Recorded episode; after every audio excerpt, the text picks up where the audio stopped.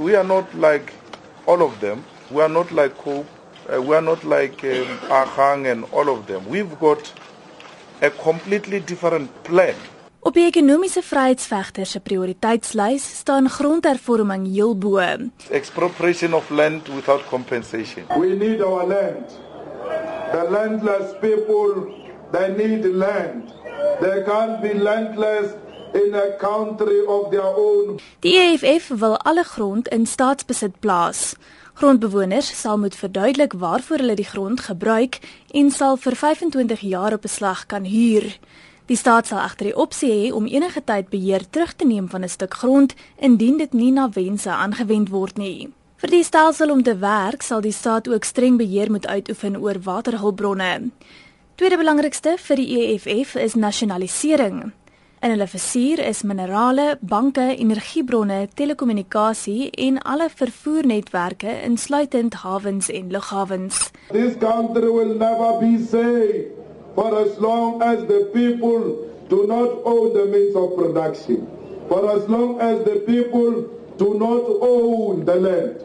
'n Staatsbeheerde mynmaatskappy staan sentraal tot die strategie. We want to nationalize and those mines we nationalize we are not going to pay for them.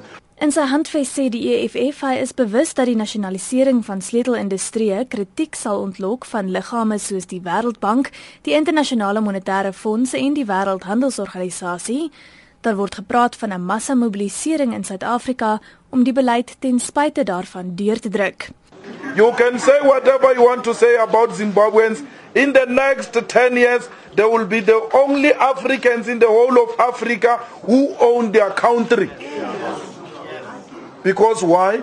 They were ready to take the pain.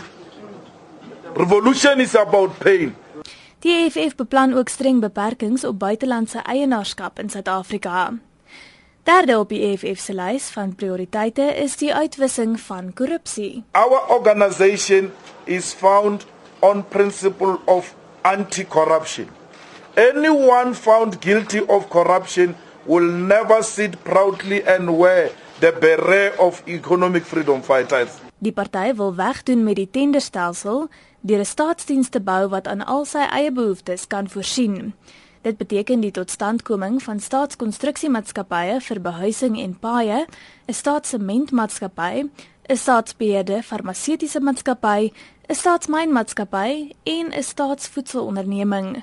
Wat onderwys betref, wil die EFF gratis skoolonderrig bied aan alle kinders.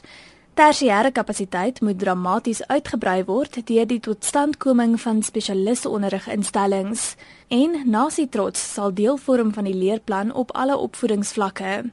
Wat behuising betref, wil die EFF die grootte en kwaliteit van HOP-huise uitbrei en dit onmoontlik maak om huise terug te vat weens wanbetaling.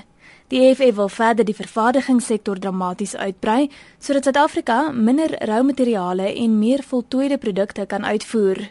Ersiene minimumloon word voorgestel vir mynwerkers, plaaswerkers, veiligheidswagte, huishulpe, skoonmakers, petroljoggies, kelners en winkelassistente. We are living amongst the masses. There is no elite here. These people you see here are ordinary faces. En die EFF wil arbeidsmakelaars verban. Swart ekonomiese bemagtiging bly 'n prioriteit en die EFF wil die salarisse van maatskappybase reguleer. Die EFF beplan ook om Suid-Afrika se voetspoor op die res van die kontinent dramaties te vergroot. Laaste op die party se agenda is verantwoordbare regering. Die EFF stel voor dat politieke partye gedwing word om oop kaarte te speel oor wie hulle befonds. Our enemy number 1 Your enemy number one is monopoly capital. White monopoly capital, which is supported by DA. And they, in return, give DA money to continue to oppress our people.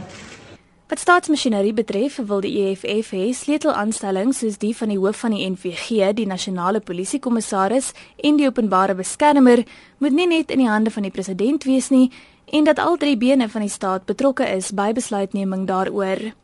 Julius Malema sê ekonomiese vryheidsvegters het onlangs die goedkeuring van die onafhanklike verkiesingskommissie gekry om as politieke party te registreer en sal na verwagting aan volgende jaar se algemene verkiesing deelneem. Ek is Suna Venter in Johannesburg.